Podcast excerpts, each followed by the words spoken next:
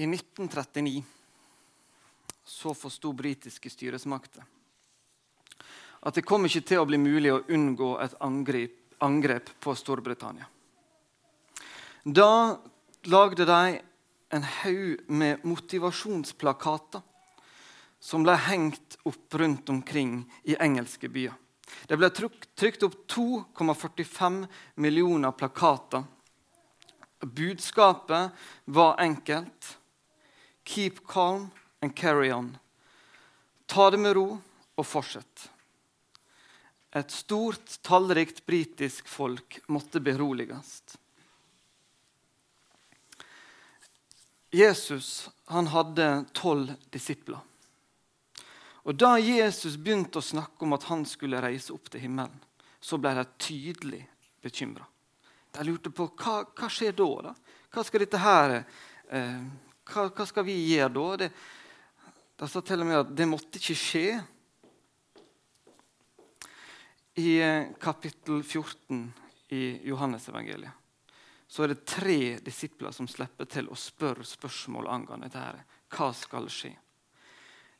Jesus måtte berolige dem og kom med et budskap som ikke var så veldig langt unna det de britiske styresmaktene kom med. Britiske og sagt 'keep calm and carry on'. Jesus sa, hvis vi vrir litt på det, 'keep calm and love Jesus'. Ta det med ro, elsk Jesus. Det var budskapet som han ville gi deg. Vi skal be. Kjære Jesus, takk for første pinsedag. Takk for Den hellige ånd som ble gitt til disiplene. Takk for det som fikk starte der, og takk for at vi nå i dag får lov til å være en del av det som der starta. Jeg ber Jesus om at Din Hellige Ånd må være mellom oss her nå i dag. På en slik måte at vi får virkelig ta imot noe fra deg. Jeg ber om at du må bruke denne muligheten til å jobbe med oss. Det ber vi om i ditt navn. Amen. Vi skal lese teksten sammen. Johannes 14, 23-29. Jesus svarte, 'Den som elsker meg, vil holde fast på mitt ord, og min far skal elske han, og vi skal komme og bo hos han.' Den som ikke elsker meg, holder ikke fast på mine ord. Det ordet dere hører, er ikke fra meg, men fra Far, Han som har sendt meg. Dette har jeg sagt dere mens jeg ennå er hos dere. Men talsmann, Den hellige ånd, som Far skal sende i mitt navn, skal lære dere alt og minne dere om alt det jeg har sagt dere. Fred etterlater jeg dere. Min fred gir jeg dere, ikke den fred som verden gir. La ikke hjertet bli grepet av angst og motløshet. Dere hørte at jeg sa, 'Jeg går bort, og jeg kommer til dere igjen.' Hvis dere elsker meg, var dere glade for at jeg går til far, for far er større enn jeg. Nå har jeg sagt dere dette før det skjer, for at dere skal tro når det skjer. Eh, forrige mandag så la jeg ut en liten melding på Facebook og sa at dette her var teksten. Eh, og Hvis det var noen som hadde spørsmål, kommentarer, tanker rundt det, så måtte de gjerne sende meg det. Og det fikk jeg. Jeg fikk eh, svar, jeg fikk gode svar, spennende svar. Jeg fikk bl.a. en lang og grundig e-post, eh, også med poeng som jeg kommer til å bruke her i dag. Så det var kjekt. Det må dere gjerne gjøre andre ganger, selv om jeg ikke oppfordrer om det med. Skriv, lov til å skrive e-post, SMS, ta en telefon. Eh, angående det som blir snakka om. Jeg opplever nemlig denne teksten veldig aktuell. Eh, jeg har lyst til å vise dere et bilde. Og Det er ikke for å skryte. Det er ikke sånn at alle sidene i Bibelen min ser ut sånn som det er her. Men jeg syns det får fram et, eh, et poeng. Eh, for det er ikke tilfeldig at i løpet av åtte vers så kommer Jesus med omtrent akkurat det samme budskapet tre ganger. Dersom dere elsker meg, holder dere mine bud. De som kjenner mine bud og holder dem, han er det som elsker meg. Også fra det som var dagens tekst. Jesus svarte, 'Den som elsker meg, vil holde fast på mine ord, og min far skal elske ham. Det er sterke ord, det er tydelige ord. Det å elske Jesus er altså noe som skal vises i handling. Vi blir ikke bedt om å, å på en måte gi tilslutning til Jesu budskap gjennom en underskriftskampanje.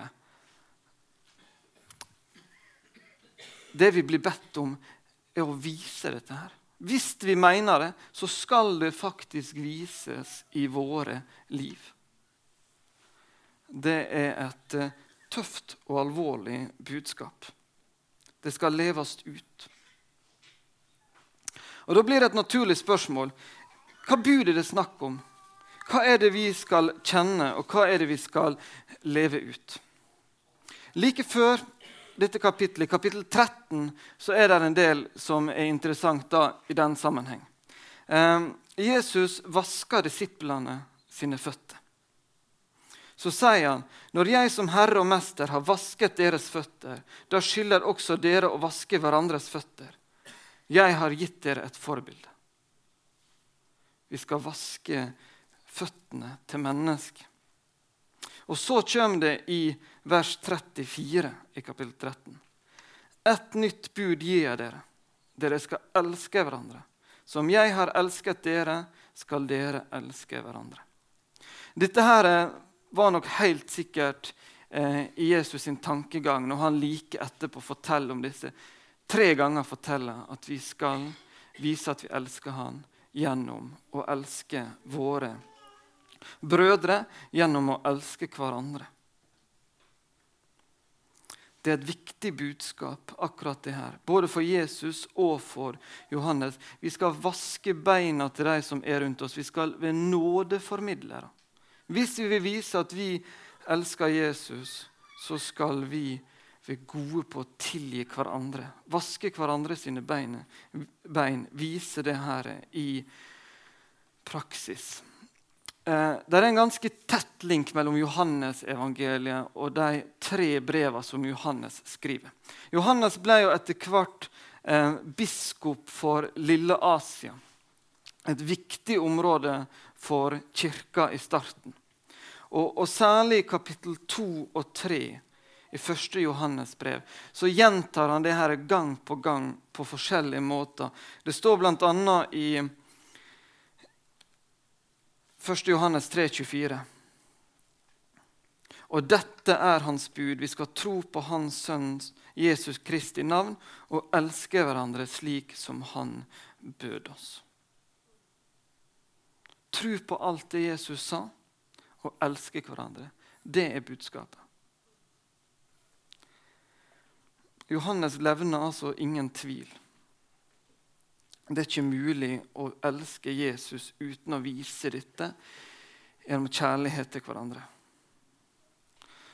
Kanskje du tenker nå eh, hvordan henger dette sammen med denne store røde plakaten som jeg viste her i starten? Keep calm. Vær rolig. Eh, jeg kjenner kanskje at når jeg blir så sterkt utfordra av det her, så, så blir jeg ikke helt rolig.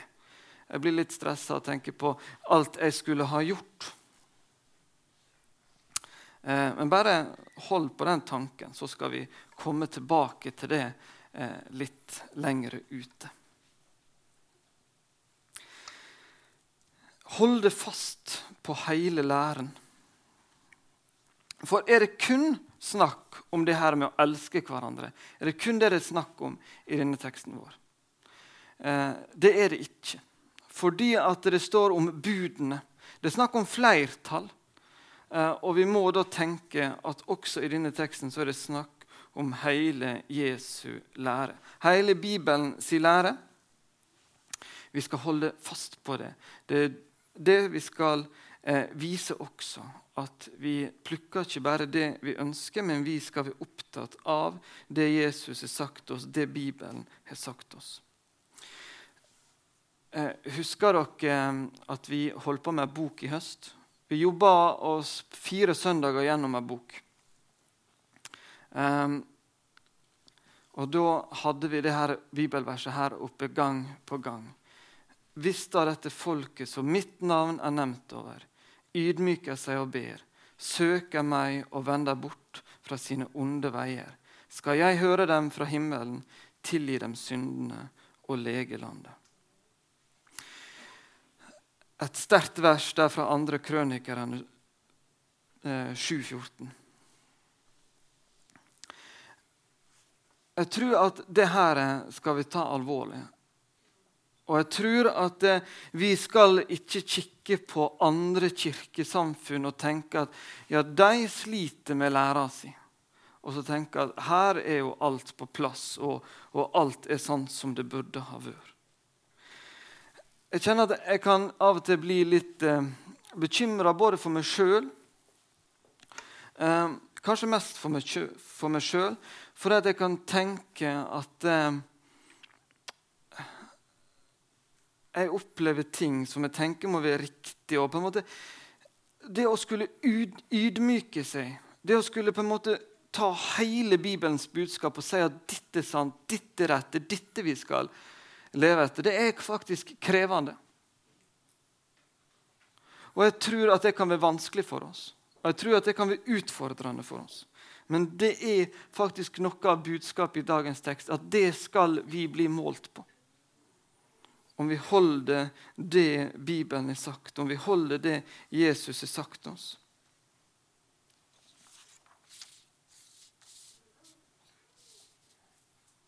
La vi Bibelen være vår rettesnor for liv og lære? Er vi villige til å ydmyke oss og endre kurs om vi møter oss sjøl i døra i møte med Guds ord? Jeg har ingen problem med å innrømme at jeg kan synes det er ting i Bibelen som er vanskelig å godta. Både å godta og forstå. Men det er altså Bibelen som skal få lov til å stå fast. Vi kan av og til kjenne på lysten til at det er Bibelen som skal vike, og det, det vi tror som skal stå fast. Men det er Bibelen som skal få lov til å stå fast, og så er det vi som må vike. Jeg har diskutert mange ting. Det er jo mye debatter i media for tida. Og jeg har diskutert mye med Margrethe. Og Hun sa så fint, syns jeg, her om dagen og sa at hvis vi skal tro på en Gud, så, må, så, trenger ikke vi en Gud som er på vårt nivå. Vi trenger ikke en, en, en liten Gud som er slik som oss. Vi tror faktisk på en hellig, allmektig Gud som er skapt, og som er skapt verden. Da må han forstå ting bedre enn oss. Da må han vite hva som er rett, vite hva som er godt. Vi trenger ikke en liten Gud. Vi trenger en stor Gud, en stor, allmektig Gud. Vi har all grunn til å faktisk møte Hans sitt ord med en ydmykhet. Og undersøke hva den har å si inn i våre liv, i mitt liv. Jeg har et stort ønske om at vi her i Misjonssalen skal komme i gang med mer grundig bibelundervisning. Det håper jeg at det ikke skal gå for lang tid til at vi får gjort. Vi trenger også her å jobbe med Bibelen og se hva den har å si oss. Vi trenger å sette av god tid til det. Vi skal gå videre og snakke litt om talsmannen. Det sto Men talsmann, Den hellige ånd, som far skal sende i mitt navn, skal lære dere alt og minne dere om alt jeg har sagt dere. Her er nok hovedgrunnen til at eh, dagens tekst er satt på første pinsedag. Jesus lover faktisk tidligere i kapittel 14 at disiplene skal få kraft til å gjøre store ting, større enn de Jesus sjøl hadde gjort. Og så allerede på første pinsedag så fikk de stå og forkynne Bibelens budskap til en stor mengde mennesker. Og Han nevnte sist søndag Geir Henning, at det var mennesker helt ifra Roma som var der på pinsedag. Jesus fikk lov til å virke stort sett i Israel, men allerede på pinsedag så fikk altså disiplene oppleve å nå helt til Roma. Mye lenger ut enn det Jesus hadde fått lov til å gjøre. Men vår tekst sier altså at oppgaven til Den hellige ånd er å være talsmann. Gud har sendt oss Den hellige ånd for å være Jesus sin stedfortreder. Den hellige ånd skal lære oss alt og minne oss om alt det Jesus har sagt. Det er litt av en oppgave. Ved Jesus sin stedfortreder i våre liv. Den hellige ånd ønsker å jobbe med oss, ønsker å jobbe i oss hver eneste dag. Hjelpe oss til å minne oss på Guds ord samtidig hjelpe oss til å være lemmer på Jesu kropp, på menighetskroppen. Ønsker å hjelpe oss som enkeltmennesker til å forstå Bibelens budskap. Samtidig hjelpe oss til å tjene hverandre i fellesskapet. Det er noe av Den hellige ånds gjerning. Og Når vi inne og snakker om Den hellige ånd, så syns jeg det er nærliggende å gå litt til 1. Korinterbrev 12. Der redegjør bl.a. Paulus for oss en del av Den hellige ånds gave. Med andre ord litt om hvordan Den hellige ånd skal jobbe mellom oss. Eh, Blant annet i første kor 12,6 så står det litt før og det står etterpå, men så står det 'gjør alt i alle'. Jeg hadde lyst til å poengtere litt det. Det er ikke noen begrensninger når det er snakk om Den hellige ånd. Gjør alt i alle. Den hellige ånd er i alle mennesker som er tatt imot Jesus som sin frelser. Der vil Den hellige ånd jobbe, virke. Og vi skal være veldig forsiktige med å sette på begrensninger for hva den kan gjøre. Den vil virke i oss. Den vil jobbe med oss. I dåpen så får vi, blir vi født på ny. Vi får en ny natur. Og der i den vil altså Den hellige ånd jobbe i oss. Og Nå kommer jeg tilbake til hvorfor det var viktig, hvorfor vi skulle holde på den tanken med at vi kan bli litt stressa i møte med noen av disse utfordringene som Jesus gir oss. Og så kommer her budskapet som gjør at vi kan senke skuldrene. For det er Den hellige ånd som skal få lov til å jobbe i oss. Som skal få lov til å hjelpe oss å holde de budene som han har gitt. Og Den hellige ånd skal få lov til å jobbe i oss i den naturen vi har fått. Slik at vi kan elske mennesker rundt oss slik at vi kan elske våre brødre og søstre. Slik at vi kan leve ut det budskapet Jesus har gitt oss. Da kan vi få lov til å se på disse utfordringene Jesus gir oss. Og så kan vi få lov til å puste med magen, senke litt skuldrene. Og så kan vi tenke at vi skal gi Den hellige ånd først og fremst mulighet og rom for å jobbe i livet vårt. Vi skal gi Den hellige ånd tid. Vi skal gi Den hellige ånd oppmerksomhet. Vi skal bruke tid med Guds ord, så den får noe å jobbe med. Men vi skal få lov til å vite at Den hellige ånd, som skal virke det her i oss Da kan vi kjenne at vi blir litt mer rolige i møte med et så tøft budskap som vi hadde. Litt mer tilbake til disse gavene som Den hellige ånd gir oss og bruker for å minne oss om alt det som Jesus sa. Det er snakk om å tale visdom, det er snakk om å formidle kunnskap. Det handler om styrking av tru, det handler om helbredelse, kraft til under, tale profetisk og ulike slags tunge blir bl.a. nevnt i 1. Korinterne 12.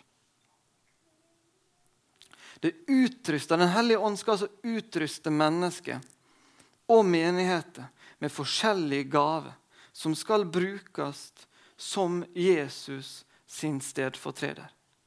Gaver som skal oppmuntre, trøste, undervise, oppbygge, styrke oss. Den hellige ånd jobber direkte i enkeltmennesket, i hver enkelt av oss. Samtidig så bruker han oss til å styrke hverandre i fellesskapet. Hjelpe hverandre. Det skal vi tenke på. Og jeg tror at vi skal faktisk være litt eh, modige og la 1. Korinterbrev 12 få lov til å evaluere oss litt.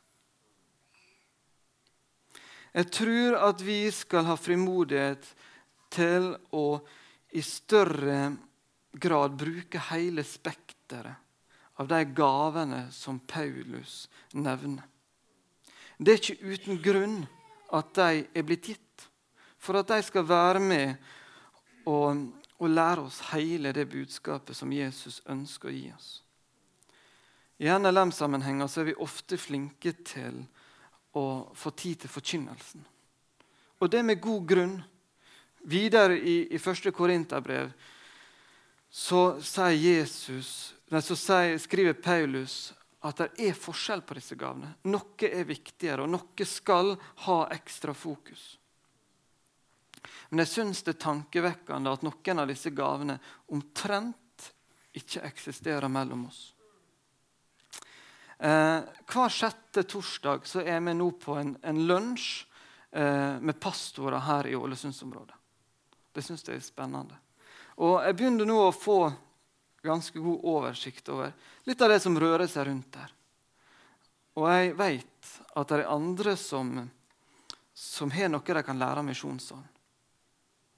Men jeg føler meg også sikker på at vi har noe å lære av andre. Jeg syns faktisk det er spennende å se eh, at det, vi kan ane ut fra praksis så kan vi ane det at det, eh, Gud bruker disse gavene der de får spillerom. I sammenhenger der de gir tungetale, der de gir helbredelse større spillerom enn kanskje vi gir, så blir det brukt mer. Vi skal altså huske at Den hellige ånd har sendt oss disse gavene for å være Jesus sin stedfortreder, for å lære oss opp i alt.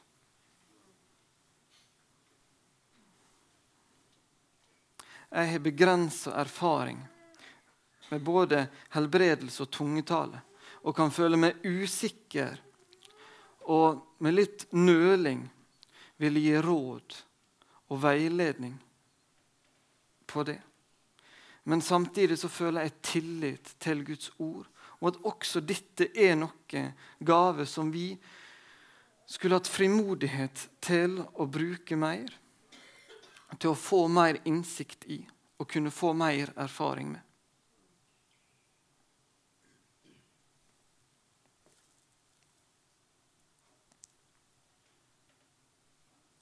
For dere som husker godt hele teksten vi leser i stad, så slutter det om Siste biten handler om fred. Handler om å få fred med Gud.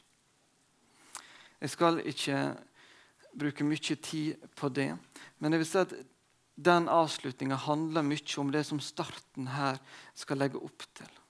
Hvis vi får lov til å bruke tid på, på Guds ord, og la Den hellige ånd få lov til å jobbe i våre liv, så vil vi oppleve en annerledes fred enn den freden verden vil gi oss.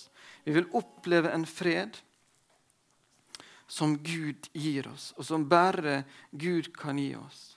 En fred der vi får senka skuldrene våre. En fred der vi kan ta til oss dette budskapet om at vi kan få lov til å roe ned, og så kan vi få lov til å elske Jesus.